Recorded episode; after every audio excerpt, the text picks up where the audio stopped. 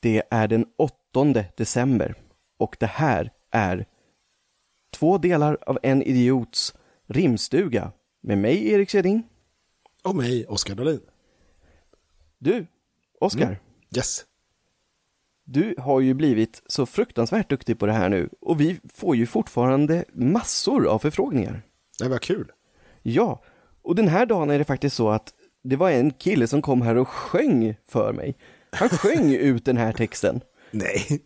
Jo, absolut. Det, ja, det var fascinerande. Ja. Men det här var det jag lyckades sammanfatta ifrån det. Den här, det, det var en Göran från Uddevalla Ja. och han vill överraska sin fru med en julklapp som hon inte kan lista ut i förväg för en gångs skull vad det är. Oh. Och då är väl vi helt rätt? Ja, det, det hoppas jag. Det tror jag. Ändå. Ja. Så att nu får du med din kloka hjärna hitta på någonting igen då. Japp, jag pyser. Hopp och lek! Ja, jag är tillbaka. Perfekt! Yes. Eh, ja, då som vanligt så är det ett rim och ett julklappstips i slutet. Det lyder. Med denna du alltid kan känna mig nära.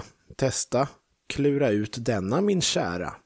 För när du öppnar locket du stanken känner, så du undrar om det är mina löständer.